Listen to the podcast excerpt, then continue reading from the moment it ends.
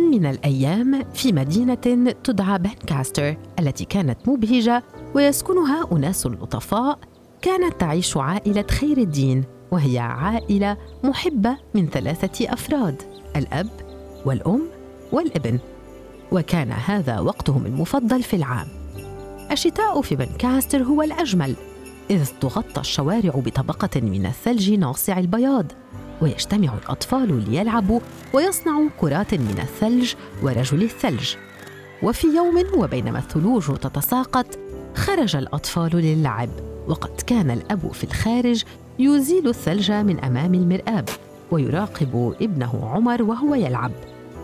أحبت الأم أن تنضم إلى عائلتها في الخارج فتركت المنزل لترافق زوجها.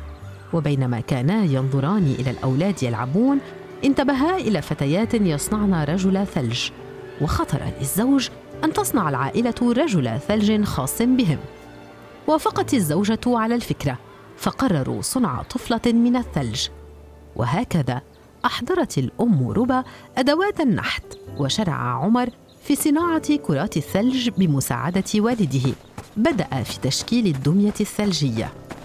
وفجأة توقف الثلج وظهرت أشعة الشمس من بين الغيوم وإذ خرج من الدمية الثلجية نفس صغير وتحولت إلى طفلة جميلة. شعر الجميع بالذهول فكيف يخرج من الثلج إنسان حي؟ وفيما كان الجميع تحت تأثير صدمة كبيرة ابتهجت العائلة لظهور الفتاة. فكان عمر دوما يريد أن يكون اخا لأخت صغرى. كانت الفتاة تشعر بالبرد فاصطحبتها العائلة إلى الداخل. شعرت العائلة بالسعادة بهذا الفرد الجديد في العائلة واتجهوا إلى داخل المنزل حيث استقبلوا الفتاة واعتنوا بها جيدا خصوصا أنها لا تملك احدا ليرعاها. كبرت الطفلة بسرعة وبمرور الوقت كانت تزداد ذكاء وكان جميع الأطفال يحبون اللعب معها. كان اسم هذه الطفلة الجميلة سنو فليك وأصبحت محبوبة كونها لطيفة. في يوم من الأيام وعند انقضاء الشتاء أخبرت الطفلة أمها عن جنيات موجودات في السماء وأنهن في انتظارها للعودة إليهن. شعرت الأم بالحزن من كلام ابنتها وأخبرتها أنها لن تسمح لها بالذهاب إلى أي مكان فقد اعتاد أفراد العائلة جميعهم عليها. وفي اليوم التالي ذهبت سنوفليك للعب مع الأصدقاء عند النهر وقد أمضوا النهار بأكمله في اللعب. لكن عندما اشتدت الحرارة بدأت الطفلة في الذوبان وجلست على ضفة النهر. وسرعان ما ذابت تماما وقد صارت ماء في النهر.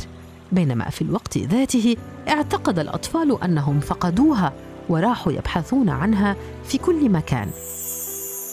سمع عمر صوت سنو فليك وهي تنادي عليه فبحث عن مصدر الصوت وهرع إلى النهر حيث رأى فتاة تسبح وقد كانت سنو فليك وأخبرته هذه الأخيرة بأن يقول لأمها إنها سوف تعود قريبا وإنها تحبها كثيرا ومن ثم اختفت في الماء.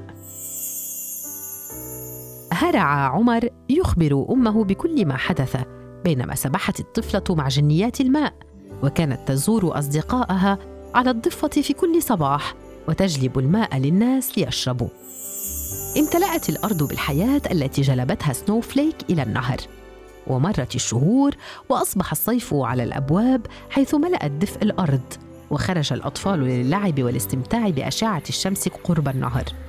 تحولت سنوفليك إلى جنية وطارت تنشر السعادة وذهبت بين الحين والآخر إلى عائلتها لتطمئن عليهم وتخبرهم أن موعد قدومها قد اقترب.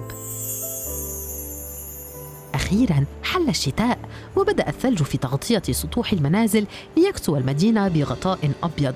وكانت العائلة سعيدة بقدوم فصل الشتاء لأنه موعد لقائهم بطفلتهم الجميلة. فعند بدء أول عاصفة ثلجية هرعوا إلى الخارج لاستقبالها. عندها ظهرت بين الثلوج وبدت أطول من ذي قبل واحتضنت عائلتها في سعادة. وبينما كانت العائلة تسعى لأن يكون لديها ابنة بالفعل أتت سنو فليك وأصبحت ابنتهم. وتمكنت من مساعدة جنيات النهر ونشر البهجة في قلوب أفراد عائلتها الجديدة كلما زارتهم في كل شتاء.